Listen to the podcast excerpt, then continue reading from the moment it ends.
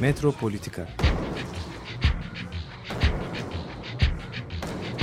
Kent ve kentlilik üzerine tartışmalar.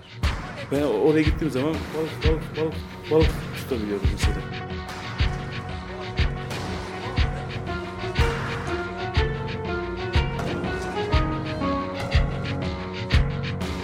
Hazırlayıp sunanlar Aysin Türkmen, Korhan Gümüş ve Murat Güvenç. Takusuyor ki. Kolay kolay boşaltamadılar. Yani elektrikçiler terk etmedi Perşembe Pazarı merkezini. Merhabalar sevgili Açık Radyo dinleyicileri. Ee, Bugün e, farklı bir program yapacağız. Ee, Çok enteresan bir konuğumuz var. Ee, Edebiyatın içinde, e, gündelik hayatın içinde, politikanın içinde dolan, biraz dolanacağız, oyunlar oynayacağız. Radkurs Üniversitesi Karşılaştırmalı Edebiyat Bölümü öğretim görevlisi Emrah Efe Hayat'la birlikteyiz. Hoş geldin Emrah. Merhabalar, hoş bulduk.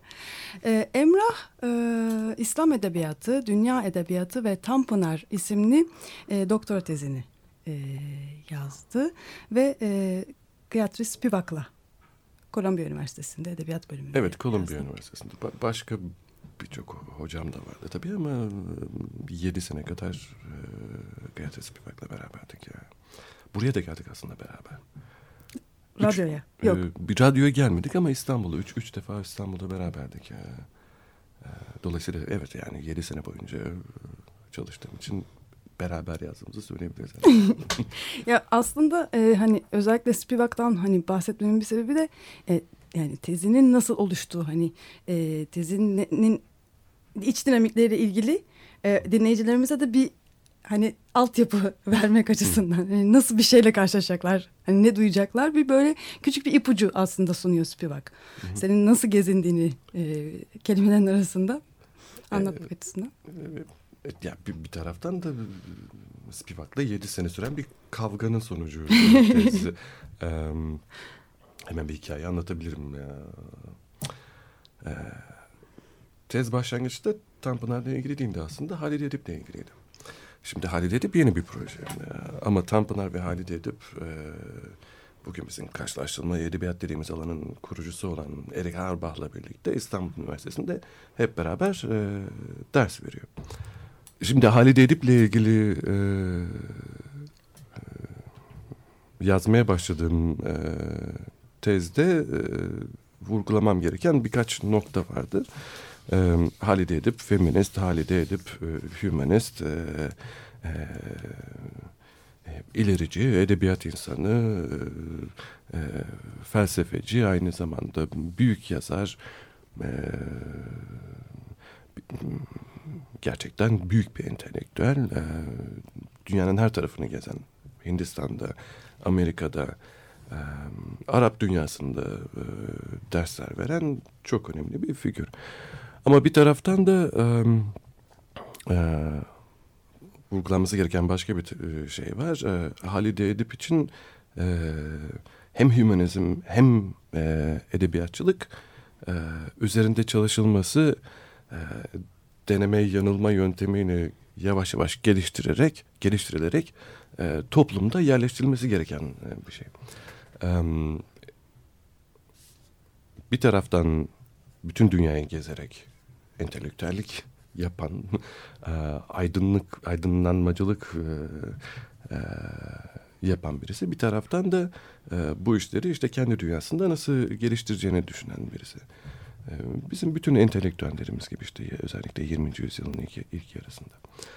Um, Halide Edip'in özelliği ama e, gerçekten deneyci olması. E, Cemal Paşa Halide Edip'i işte tam bu soykırımdan sonra, Ermeni soykırımından sonra Suriye'ye davet ediyor. E, davet etmesinin sebebi de hani bizim e, ya, e, daha doğrusu İttihat ve Terakki'nin Halide Edip'in bütün e, edebi e, ve aynı zamanda eğitimsel projelerini hayata geçiremeyecek olması Osmanlı'nın genelinde. Ama yine de bir e, Halide Edip'e bir şans vermek istemeleri. E, Halide Edip soykırımdan sonra Suriye'de ilk defa Beyrut'ta e, e, kendi e, eğitim ideallerini e, Ermeni yetimler üzerinde denemeye başlıyor. Ermeni yetimlerden e, mükemmel Osmanlı vatandaşları üretmeye çalışıyor. E, dolayısıyla e, Halil Edip'in bir e, e, şark dışında yaşadığı e, İngiliz bir hayat var. E, inanılmaz başarılı ama bir taraftan da e, şarkta e, e, yapmaya çalıştığı e, e, deneme yanımı, yanılma yöntemiyle yerleştirmeye çalıştığı e, kurumlar, e, sistemler, e, e, devasa e, bir takım yapılar var. Şimdi Spivak'ın da yaptığı üç aşağı beş yukarı aynı şey. Hani hani sürekli e, vurguladığı da bu bir taraftan. Kolombiya'da e, yani işte Amerikan Akademisi'nin en merkezi e, yerlerinde e, dersler veren bir taraftan da Hindistan'da kendi öğretmen okulları olan kırsal bölgelerde kendi öğretmen okulları olan birisi. E, do, dolayısıyla Spivak da hani bir taraftan e, e, Amerikan Akademisi'nde e, e, kamusal alanda varlığı olan birisi. E, ama bununla yetinmeyen hatta belli bir yerden sonra bunu hor gören e, asıl yapmak istediğinin de işte Hindistan'da e, gerçek bir eğitim dünyası e, oluşturmak olduğunu söyleyen birisi. Dolayısıyla ben Halid Edip hakkında yazarken ki neredeyse 750 sayfa kadar yazdım. E, Spivak kendisi hakkında yazdığıma karar verdi. e, büyük bir e, krizden sonra o 750 sayfayı bir tarafa koyup e, işte e, e, tezime yazdığım girişte e, e, e, kullandığım Tanpınar'la ilgili bir paragrafı yine bir tez haline getirmek zorunda kaldım. Yani. Şimdi hani kitaplaşacak olan tezde e, büyük ihtimalle Harvard'ın e, yayınlarından çıkacak. E, tezin e, ön sözünden ön sözündeki bir paragraftan e, mecburiyetten e, alıp da böyle e, 300 sayfa haline getirdiğim bir e, bir şey. Neyse. E, Peki niye Tanpınar? Yani. Niye Tanpınar? Ben, ben, konuştuk daha önce ama e, Tanpınar hayranı olduğum için Tanpınar değil tabii ki. E, Tanpınar'dan nefret ettiğim için de Tanpınar değil. E, ama Tanpınar'ın çıkmazlarıyla ilgili e, bir saplantı geliştirdiğimi söyleyebilirim herhalde. E, Tanpınar'ın çıkmazları yüzünden Tanpınar diyebilirim mesela olarak. E, Bundan kasıt ne olabilir? Bir şekilde hani e, Tanpınar'ın nasıl bir dört yol ağzında olduğunu e, hatırlamamız gerekiyor. E, herhalde bugün Türk Edebiyat tarihinin e, e, en önemli e, yapıtı nedir? E, ilk Türk Edebiyat tarihi nedir? E, e, gibi bir soruyla karşılaştığımızda söyleyebileceğimiz bir tek şey var. Tanpınar'ın 19. yüzyıl e, Türk Edebiyatı tarihi. E, çalışmadık daha e, o tarihi yeterince. E, 19. yüzyılın Türk Edebiyatı tarihinin e, bir ön sözü e, var. E, birkaç farklı adla e, farklı edisyonlarda e, yayınlanan bir ön söz bu. O ön sözde e, Tanpınar e, e, Yunan dünyasından 19. yüzyıla kadar İslam edebiyatı gibi bir, bir şey anlatıyor. Ee, inanılmaz bir e, makale başlı başına. Bir ön söz ama e, o ön sözde binlerce yılı biz e, kuşatıyoruz. O binlerce yılı kuşattıktan sonra işte 19. E, yüzyıla geliyoruz. Yani. Um, Tanpınar bir edebiyat tarihçisi. Hatta Türk Edebiyat Tarihçiliğinin de kurucularından bir tanesi. Ee, e, yalnız e, e, Dört Yol Ağzı'ndan e, bahsediyorduk ya. Bu çok da tesadüf değil. E, hani e, e, Tanpınar'ın Türk Edebiyat tarihçiliğine başlaması e, ya da Türk Edebiyat tarihçiliğini bizim bugün çağdaş anlamda e, anladığımız o Türk Edebiyat tarihçiliğini başlatması e, yine kurumsal e, e, bir projenin sonucu. İstanbul Üniversitesi'nde işte e, 40'larda, 30'ların sonlarında, e, 40'larda e, e, romans filolojisi e, bölümünü kurmakla görevlendirilen Erik Auerbach diye e, e, ünlü bir e, edebiyat tarihçimiz ve filozofumuz var. Yani. Auerbach Nazi Alman- Almanya'sından kaçıp e, e, ondan önce İstanbul'a sığınmış olan başka akademisyenlerin e, sayesinde e, İstanbul'da e, e, hümanizmin e, e, Batı hümanizminin e, Türk akademisinde ortaya çıkmasına işte e, yerleşmesine aracılık eden bir figür. E, Hasan Ali Yücel'in e, e, projelerinden bir tanesi bu. Auerbach İstanbul Üniversitesi'nde romans filolojisini e, kurduğunda e, Halide Edip İngiliz filolojisini kuruyor. E, Tanpınar'da e, Yeni Türk Edebiyatı bölümünün başına getiriliyor.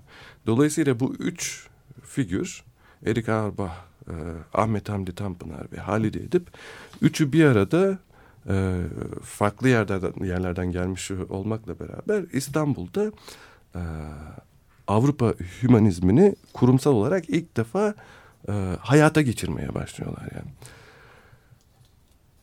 Dolayısıyla e, e, Türk e, çağdaş Türk edebiyat tarihçiliği e, bir tür dünya edebiyatı tarihçiliğinin bir kolu olarak çıkıyor ve tuhaf bir şekilde bütün bunlar İstanbul'da gerçekleşiyor.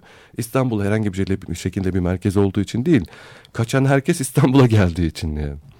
E, Halide Edip İstanbul'a Hindistan'dan geliyor. e, Gandhi'nin davetiyle Hindistan'da e, yaklaşık bir sene ders verdikten sonra e, Türkiye'ye e, dönme e, e, fikri e, aklına geliyor. İşte malum e, Atatürk'te e, e, ölümlü ediyor.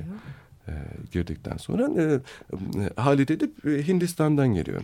E, Tanpınar Türkiye'de ama nerede olduğu belli değil zaten. Hani Türkiye'de olmak istemiyor. Hani sürekli kendisini e, Türkiye'de de sürgünde hisseden birisi.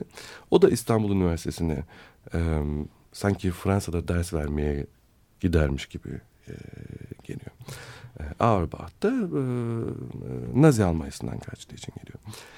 E, işin tuhaf tarafı biz bu üçlüyü bir arada hiç düşünmedik. Ofisleri yan yana İstanbul Üniversitesi'nde, İstanbul Edebiyat, Edebiyat Fakültesi'nde. Bu üçlüyü bir arada düşünmedik. Bir arada düşündüğümüz anda hani o kadar farklı kapı açılıyor ki e, önümüzde. E, Mesela Halide Edip'in e, farklı hallerini görüyoruz. Tanpınar'a geleceğim ama işte mesela Halide Edip türbanla gidiyor Hindistan'a. Hatta trenden indiği zaman o zaman e, Gandhici Müslümanlar var. E, işte e, Gandhi şapkasıyla, e, takkesiyle bunu karşılıyorlar. Allahu Ekber naralarıyla ya. E, Amerika'da e, bundan birkaç sene önce Halide Edip işte e, e, New York Times'ın e, ikinci sayfasında başı açık böyle bir dekolteli bir fotoğrafıyla e, Amerikan halkına tanıtılıyor. İşte Orta Doğu'nun yeni yüzü e, e, diye. E, e, arkasından İstanbul'a geldiğinde Halide Edip bambaşka bir insan e, e, o dünyada sınıfta asla başını kapatmayan ama işte sınıftan çıkar çıkmaz hani insan içine karışacağı zaman hemen başörtüsünü e, bağlayan bir insan. E, bunun hani e, e, Türkiye'de e, kurumsal hümanizmin yerleşmesiyle Ne alakalı? alakası çok önemli. Hani e, e, nasıl e, Amerika'dayken e, belli bir şekilde var olma ihtiyacı duyup Hindistan'a gittiğinde e, fikrini değiştirip e, arkasından o kafa karışıklığıyla İstanbul'da kafası karışık ve tamamen bir çıkmazda bir insan olarak var olması Halide Edip'in bir edebiyatçı olarak aynı zamanda bir aydın olarak bir entelektüel olarak e, harikulade bir hikaye. Halide Edip'in çıkmazı da e, ve genelde çıkmazları da o yüzden e, benim saplantılı olduğum bir konu herhalde. Um, Auerbach'a gelince e, Auerbach bu e, üçlüyü e, inanılmaz kıymetlendiren bir figür. Çünkü e, bugün bizim karşılaştırmalı edebiyat, mukayeseli edebiyat dediğimiz alanın e, kurucusu addedilen e, o alanın ilk kitabını, ilk makalelerini, ilk e, eserlerini veren e, bir isim. E, karşılaştırma edebiyat da yani İstanbul'da kuruluyor. Hatta bu konuda da e, çalışan e, bundan birkaç e, e, belki on yıl önce e, e, kitaplar çıkaran insanlar var. İşte Emily Yaptır bunlardan bir tanesi. NYU'da o da e, karşılaştırma edebiyatın başında. Um, e, dolayısıyla e, bir taraftan Türkiye'de kurumsal hümanizmin kurulması, bir taraftan da dünya edebiyat tarihinde yepyeni bir eleştiri cephesinin açılması gibi bir şey söz konusu. Bu üçlünün İstanbul'daki buluşmasında. Um, Tanpınar'ın e, çıkmazlarına gelince Tanpınar Auerbach'la hiç konuşmuyor mesela. Um, Tanpınar Frankofon aynı zamanda Frankofil e, e, e, aynı zamanda Almanca bilen işte ne bileyim Kafka okuyan, Heidegger okuyan e, e, birisiyken e, Almanya'dan gelen e, Auerbach'la ilişkileri hakkında hiçbir şey bilmiyoruz yani.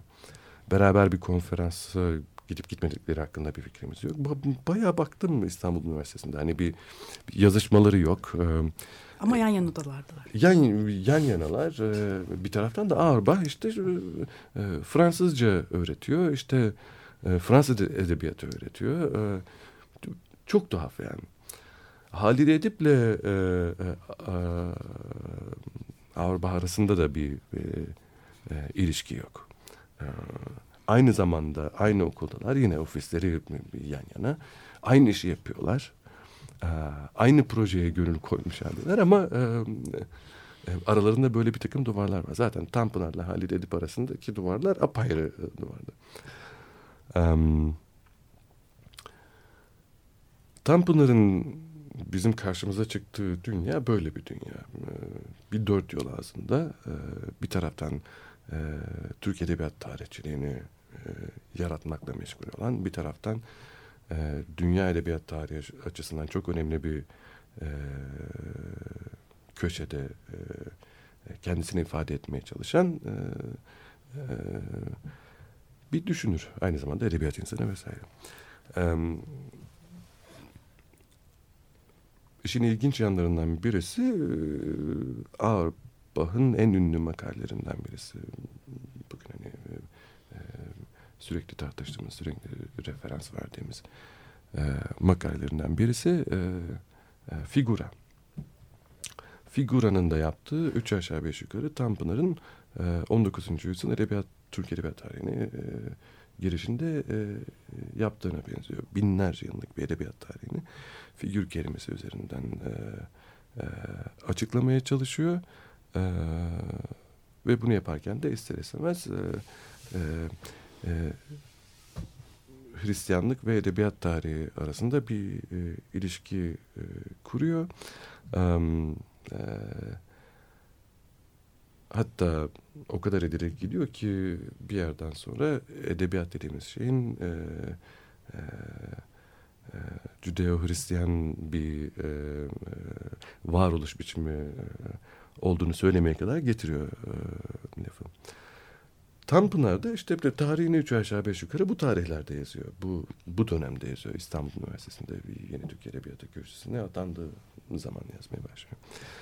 Onun da e, bir kere hani 19. yüzyıllar önce edebiyat gibi bir şey görmesi söz konusu değil. E, ne Türkçe'de ne Arapça'da ne Farsça'da. Yine de edebiyat gibi bir şeyler görüyor. O da onun tarihini yazıyor. Eee kendi e, tarihine girişte. Arkasından 19. yüzyılda neler olduğunu e, yazıyor. 19. yüzyılda edebiyatın nasıl ortaya çıktığını anlatıyor. Önce Osmanlı kültüründe.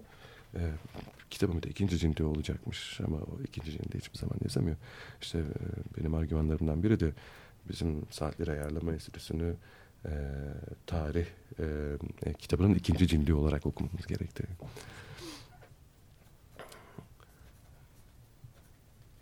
Auerbach edebiyatın nasıl adım adım ortaya çıktığını anlatırken e, figurada E, Tanpınar e, 19. yüzyıldan itibaren e, Osmanlı Türk aydınının nasıl edebiyat yaratamadığını anlatıyor. E, çok tuhaf bir kitap 19. yüzyılın Türk Edebiyatı tarihi. E, böyle bir mağlubiyetler serisi gibi. E, kitabın sonuna kadar hani adım adım e, karşılaştığımız her bir figür ayrı bir kaybeden ya. E, Ziya Paşa e, e, ayrı bir e, e, rezalet. Namık Kemal apayrı bir e, felaket. E, Tanpınar'ın e, genel tavrı bu. E, ama bir taraftan da e, e, e, bu insanların işte Namık Kemal'in de Ziya Paşa'nın da e, çabalarını öven, e, e, onlarla ilgili en iyi şeyleri e, genellikle edebiyat öncesi e, e, harabati tavırlarında e, bulan Sufi e, eğitimlerinde ve işte Sufi e, kendini ifade ediş biçimlerinde e, tanımlayan bir tarihçi e, Tanpınar. E, hatta o kadar ilginç ki e, sanki Tanpınar e, bu e, e, sözünü ettiği e, e, haklarında bir tarih yazdı. E, aydınların sürekli e, kaybetmesinden, bir türlü edebiyat yapmayı becerememesinden memnun. Hatta onların kaybediyor olması Tanpınar için en büyük zafer.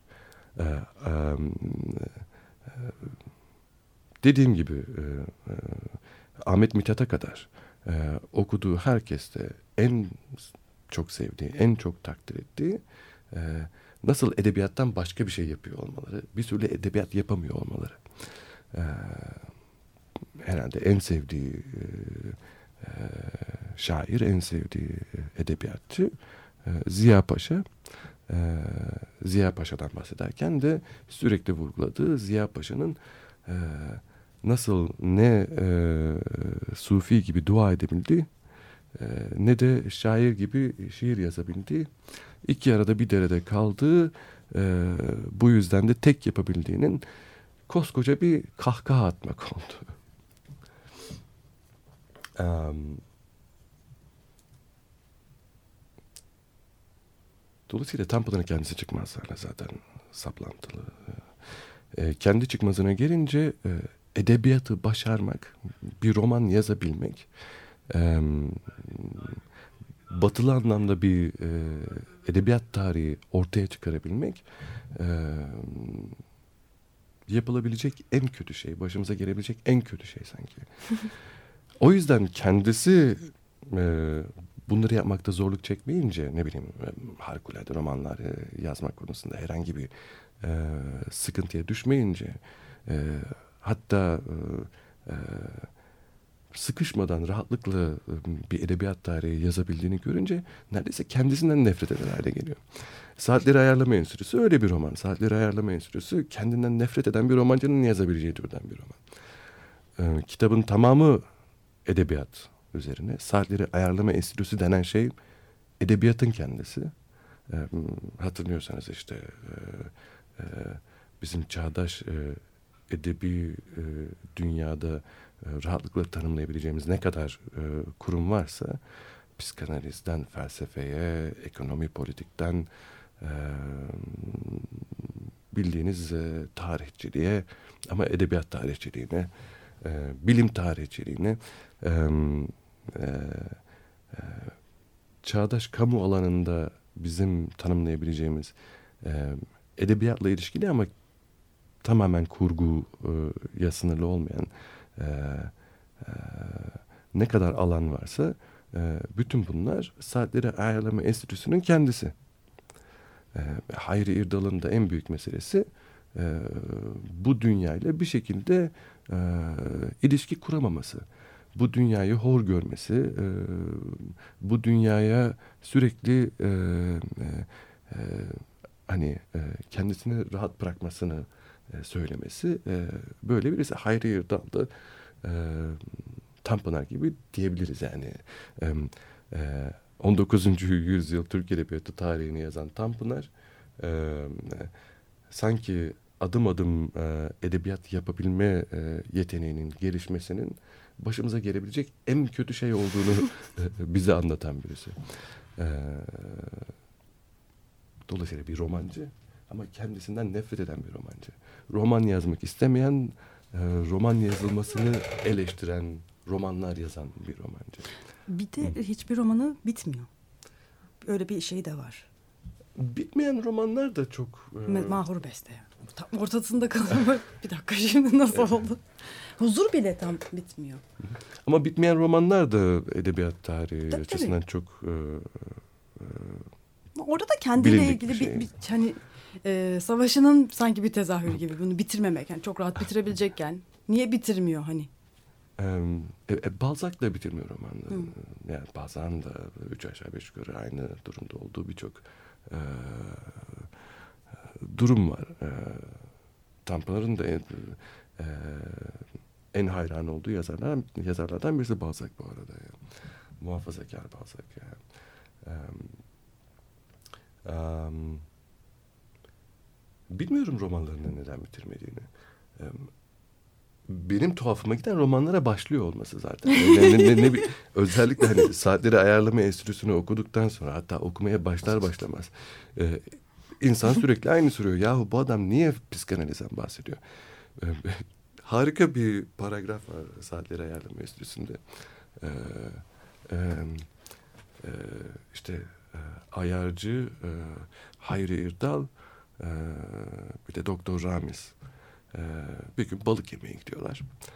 Doktor Ramiz başlıyor işte e, nasıl dünyanın bütün sorunları işte e, psikanalizle çözülecek. Zaten psikanaliz bize her türlü sorunun her türlü cevabını e, verebilecek.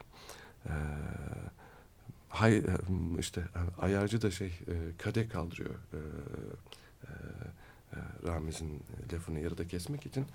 E, e, Allah belasını versin bu e, psikanalizin rakımızı içiyoruz şurada e, deyip e, bambaşka e, yeni bir bölüme geçiyor e, Tanpınar. E, bir taraftan e, Tanpınar işte romanda Hayri İrdal'ın psikanalizini yapıyor değil mi? Hani bize bir de e, böyle bir e, e, alttan alttan e, mesaj veriyor. Ama psikanalizden nefret eden bir adam neden e, psikanaliz yapmak için e, yüzlerce sayfa yazsın yani. E, edebiyattan, edebiyat dünyasından, yazı dünyasından nefret eden bir insan ya da yazı dünyasının çağdaş anlamda, batılı anlamda yazı dünyasının başımıza gelebilecek en büyük felaket olduğunu bize e, anlatmaya çalışan bir insan.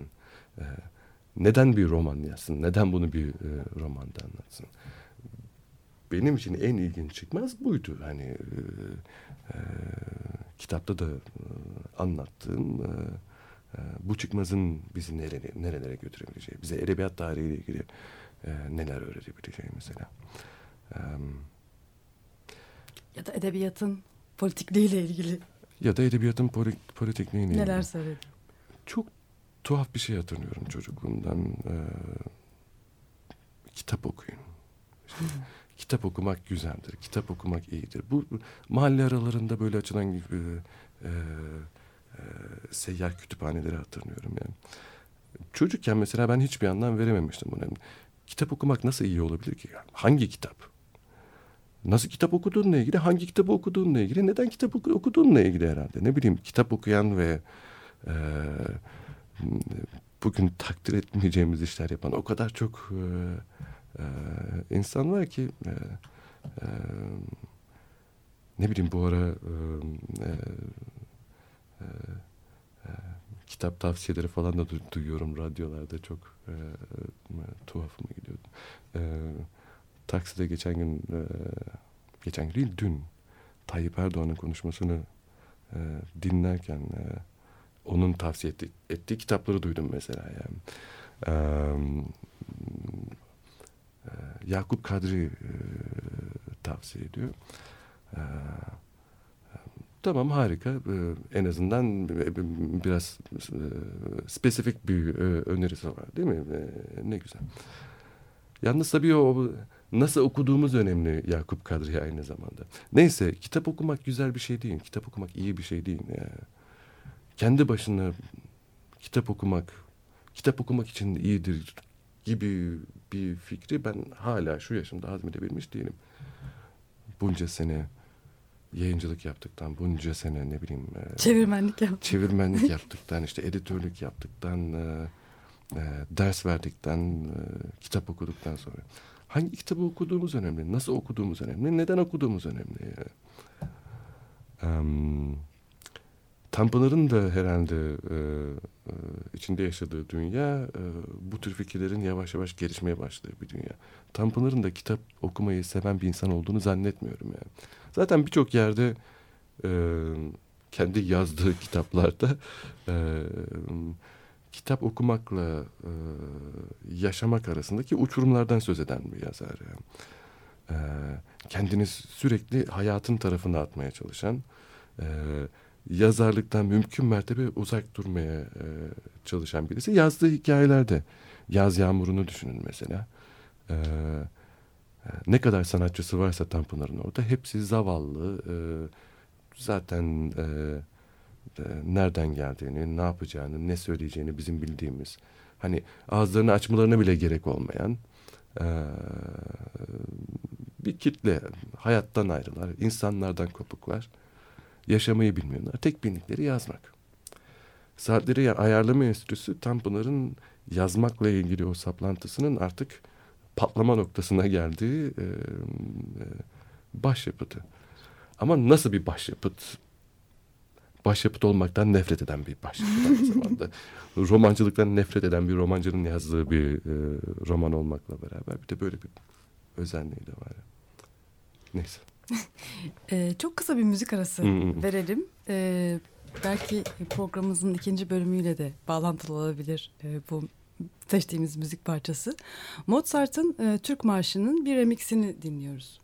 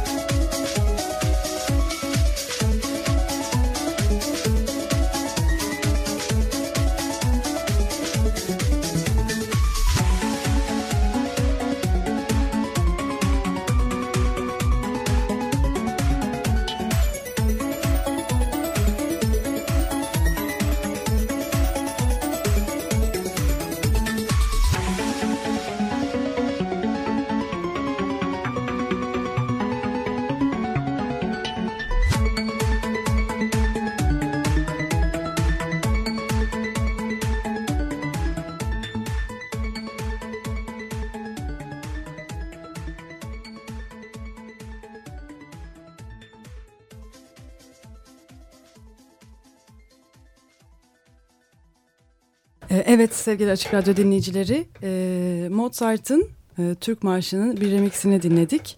E, Emrah Efe Hayat'la olan sohbetimiz devam ediyor. Ahmet Hamdi Tanpınar üzerinden e, konuşuyorduk. E, ancak senin bir makalen var Ahmet Hamdi Tanpınar'ı da e, pardon bir e, konuşman var. Şimdi makaleye döndüreceksin ama e, biraz ondan bahsetmek istiyorum. Ahmet Hamdi Tanpınar da o makalenin bir parçası ama e, daha enteresan e, bir boyutta ele alıyorsun e, edebiyatı Ahmet Hamdi Tanpınar'ı. Makalenin de e, başlığı Türk olmak. Nasıl Türk olunur? Nasıl Türkiye dönülür? Nasıl Yani. Türkiye dönülür? E, biraz o makaleden bahseder misin? Hem e, müziğimize de biraz bağlı Türk Marşı. Nasıl Türkiye dönülür de kötü çeviri oldu değil mi? işte ben de o yüzden olunur e, diye çevirdim. Olu, olunur. Nasıl Türk? Herhalde olur ya. Neyse. Ee, e, Tanpınar'ın da e, e, ilgi alanlarıyla bağlantılı aslında makale ya da işte e, sözün ettiğimiz neyse. Ee, saatleri ayarlama enstitüsünün de en büyük meselesi e, e, edebiyat gibi bir şeyin roman yazma gibi bir saplantının mesela e, e, doğduğu coğrafyanın dışına nasıl çıktığı, e, nasıl mesela e, Osmanlı dünyasında İstanbul'da bir takım insanların roman yazma hevesine kapıldığı ve romanlar yazdığı hatta e, okur buldu. E, soruyu böyle sormak gerçekten özgürleştirici çünkü e, e,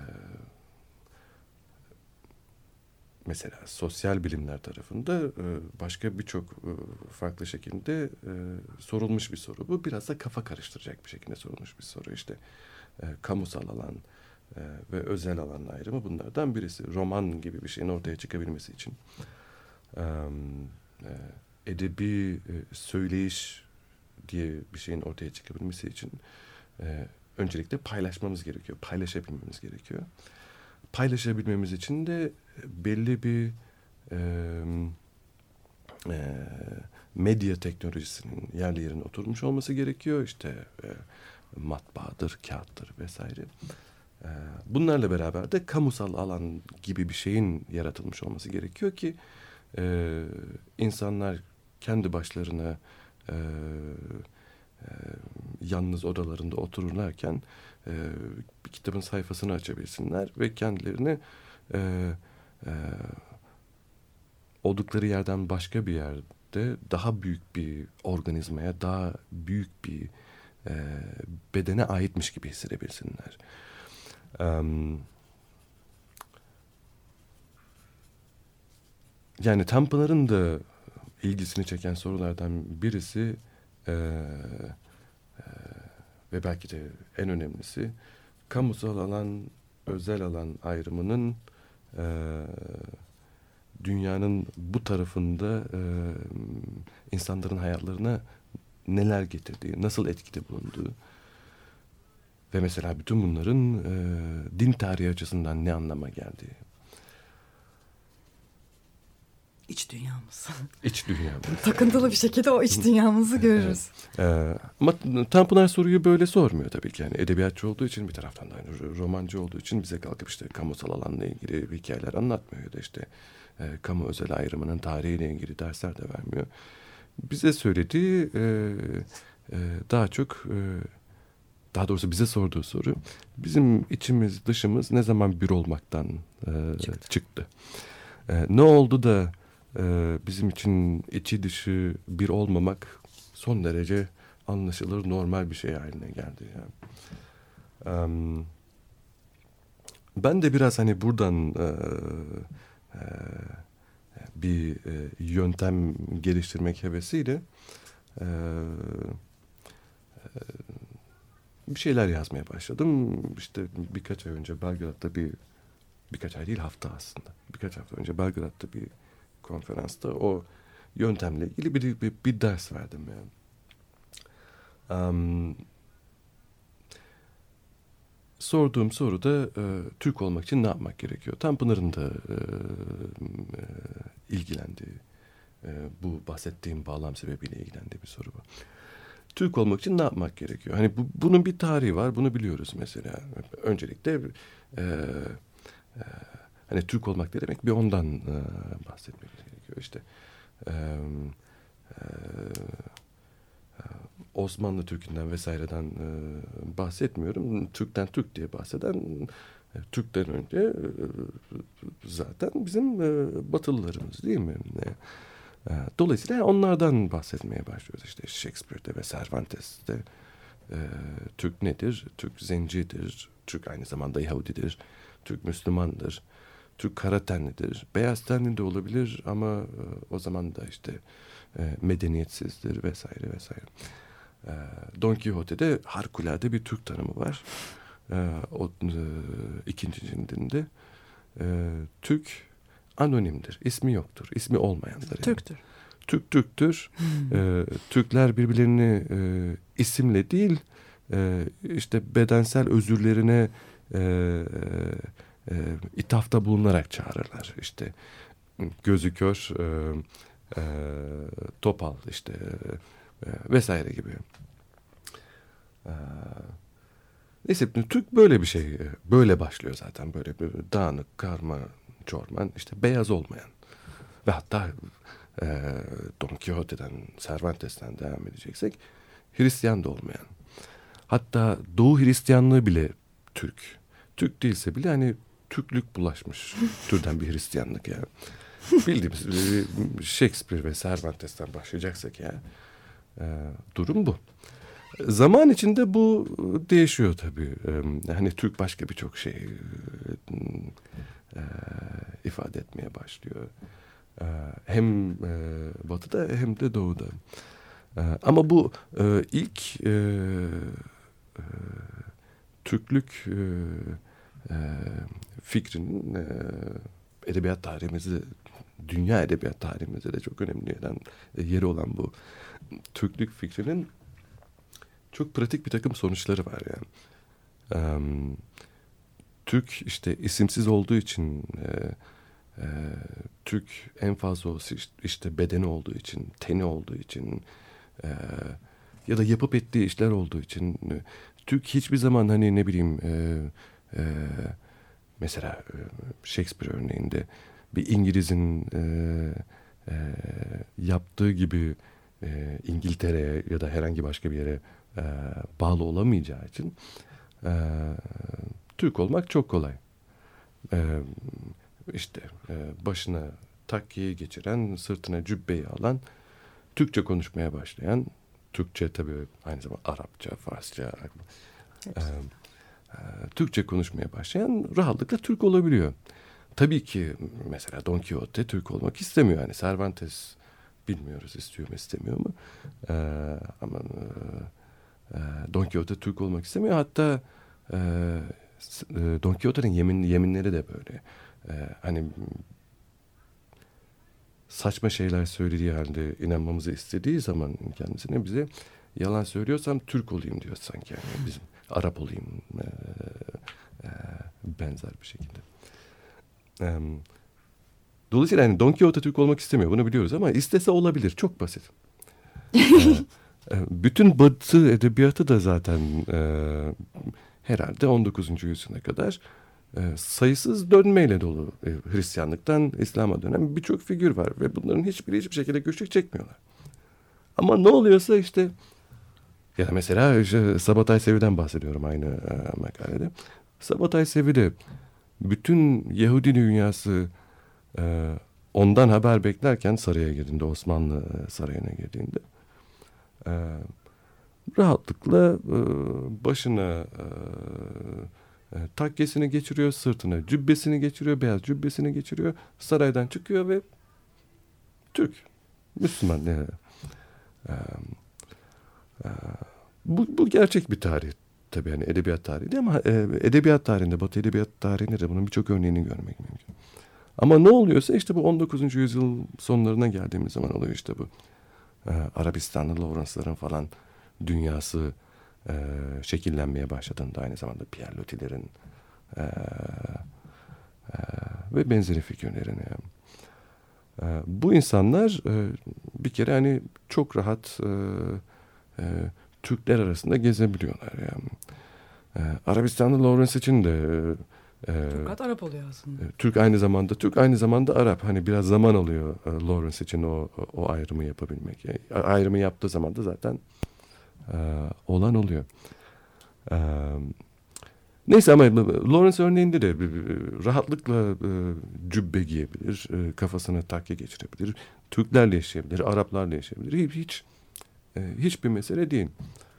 E, yani Don Quixote'nin e, Türk olması için yerine getirmesi gereken e, koşulları Lawrence zaten rahatlıkla yerine getiriyor. Ama mesela Arabistan'da Lawrence'da ya da Pierre Loti'de mesele daha çok ne yaparlarsa yapsınlar Türk olamamaları. Tuhaf bir şey oluyor 19. yüzyıl sonunda. Eee, tuhaf bir tuhaf bir bölünme e, karşımıza çıkıyor. Hani bu insanlar ne kadar uğraşırlarsa uğraşsınlar bir türlü dönemiyorlar. Bir türlü Türk olamıyorlar. Bir taraftan Sabatay da Sevi gibi değil yani. Sabatay Sevi gibi değil. Ama Sabatay Sevi hikayesinde bambaşka bir şey karşımıza çıkıyor. İşte e, 20. yüzyıl başında e, Ömer Seyfettin'in de e, e, dahil olduğu bir grup aydın Selanik'te e, Sabataycıları e, artık Yahudileri terk edip e, Türklüğe ve Müslümanlığa dönmeye çağırıyor. Dolayısıyla orada da bir tuhaf bir şey oluyor. Da tam işte bu 19. yüzyıl sonu 20. yüzyıl başında Zaten dönmemişler miydi? evet e, Sabatay'ın da aslında dönmediği, e, dönemediği e, Bir Evet. durum. e, hat- yüzlerce yıldır Müslüman olarak yaşayan e, Sabataycıların da aslında tam Müslüman olmadığı artık dönmeleri gerektiği gibi bir şey e, e, gibi bir söylem ortaya atılıyor yani. Em, yapmaya çalıştığım benim de işte bu e, kamusal alan, özel alan vesaire gibi terimleri kullanmadan edebiyat tarihi üzerinden, e, edebi kahramanlar üzerinden, edebi e, ve hatta e, kurgu e, e, hikayeler üzerinden e, tam bu noktada 19. yüzyıl sonunda 20. yüzyıl başında ne olduğunu anlamaya çalışmak yani. Bunun için e, Cervantes'ten başladığımda işte Don, Quixote, Don Quixote'den başladığımda bir, bir takım şeyleri e, açık ve net e, e, e, tartışmamız gerekiyor. Cervantes bir Haçlı askeri biliyorsunuz. E, ya da biliyoruz ama hiçbir, hiçbir zaman konuşmuyoruz. E, e, İnebahtı da savaşan e, hatta İnebahtı'da bir kolunu kaybeden bir Haçlı askeri Cervantes. yani. Em,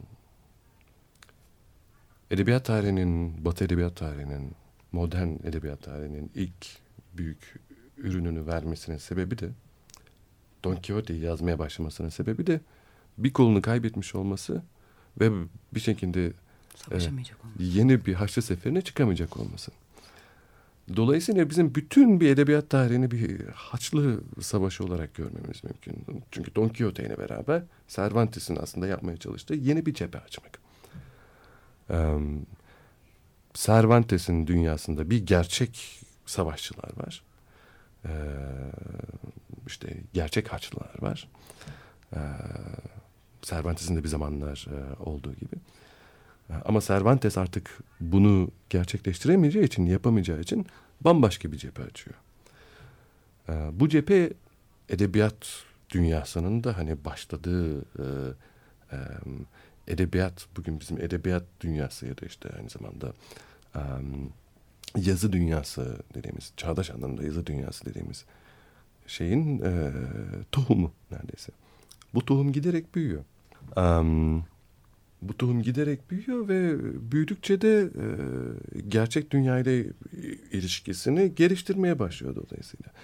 E, Don Quixote ilk okuduğunda e, İnebahtı Savaşı'nın e, e, neredeyse e, e, gazetecilik düzeyinde bir hikayesini anlattığı için popüler e, olan bir e, yazı türü. Sonradan e, e, e, o yazı türü işte böyle kemikleştikçe ve e, roman olarak e, anılmaya başladıkça e, kurumlaşarak büyüyor yani. Dolayısıyla Don Quixote bir savaşçı. Yani Don Quixote'nin bir misyonu var. Don Quixote durup dururken gidip yel değirmenleriyle savaşmıyor. Don Quixote daha en başında Cervantes onu düşündüğünde zaten bir savaşçı olarak dünyaya geliyor. Yani. O zamandan sonra da yanında bir sürü başka savaşçıyla giderek dünyayı fethetmeye başlıyor. Cervantes ilerledikçe e, daha doğrusu Don Quixote ilerledikçe Cervantes'in e, açtığı bu yeni cephe de büyüyor. E, gerçek dünyanın dışında, gerçek dünyanın altında ya da gerçek dünyaya e, ek olarak e, e, yaratılan bu dünya da büyüyor. E, bizim dünyamızda da e, edebiyat gibi bir şeyin ortaya çıkması, çağdaş anlamda edebiyat gibi bir şeyin ortaya çıkması e, e, Cervantes'in e, tohumuna attığı bu e, uzamın buralara kadar gerçek dünyada genişlemesi. E, benim anlatmaya çalıştığım da şöyle bir şey. Mesela Birinci Dünya Savaşı'ndan bahsederken e, savaşın e, en temel e, e, koşulları olarak savaşta kazanmanın ya da kaybetmenin en temel koşulları olarak e, bir altyapıdan bahsederiz. İşte tren yolları, e, savaş teknolojisinin dünyanın bu tarafında yayılması, silah ticareti vesaire falan filan. bunlar hani sanki Birinci Dünya Savaşı'nın gerçek tarihi unuttuğumuz ve hani en az bu teknoloji kadar önemli olan e, başka bir tarih daha var.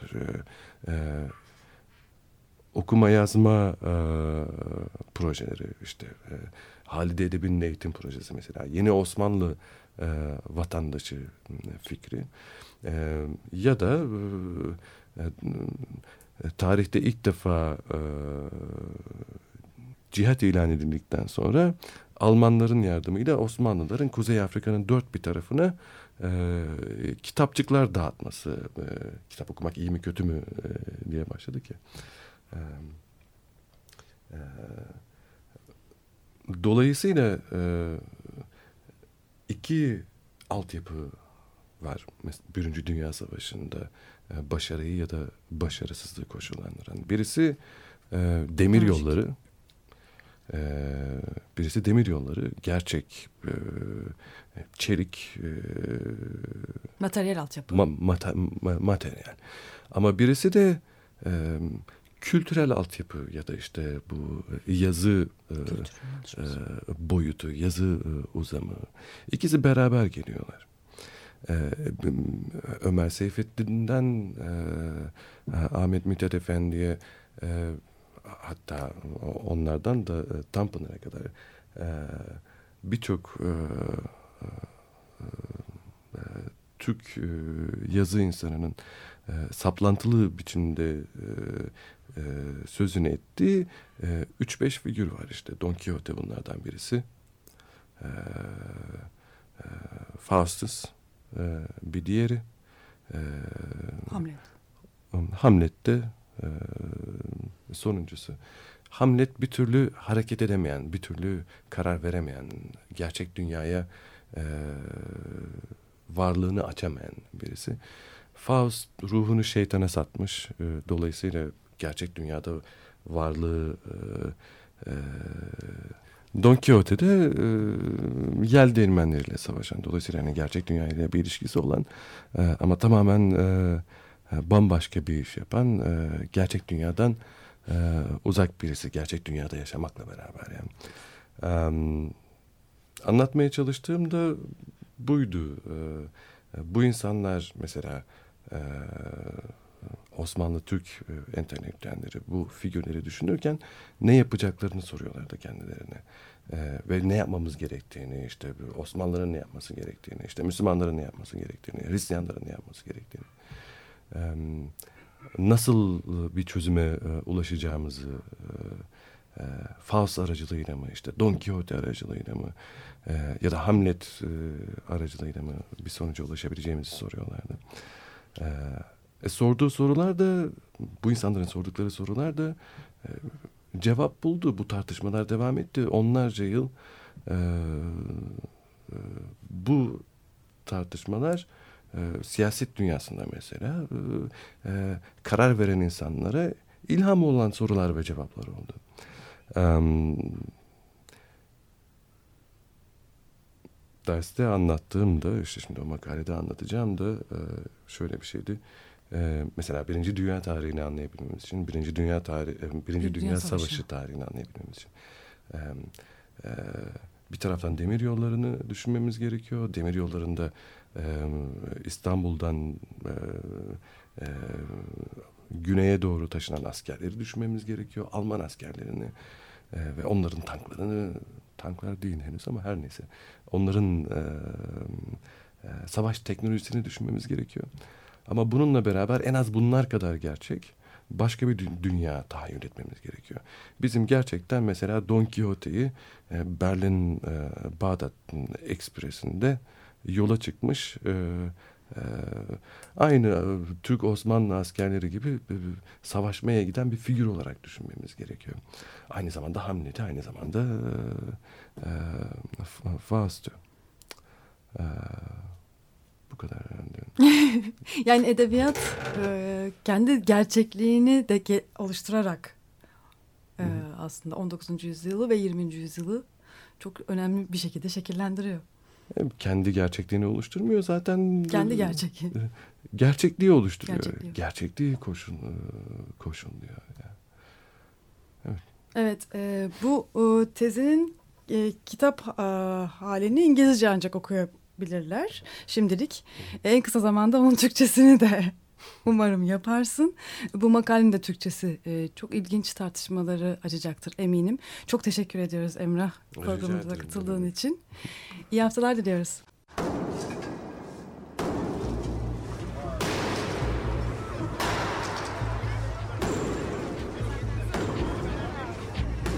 Metropolitika Kent ve kentlilik üzerine tartışmalar. Ben oraya gittiğim zaman balık balık balık balık tutabiliyordum mesela.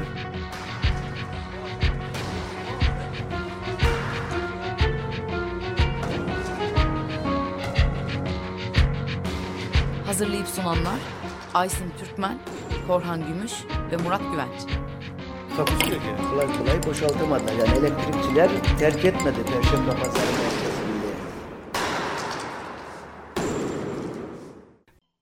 Açık Radyo program destekçisi olun. Bir veya daha fazla programa destek olmak için 212 alan koduyla 343 41 41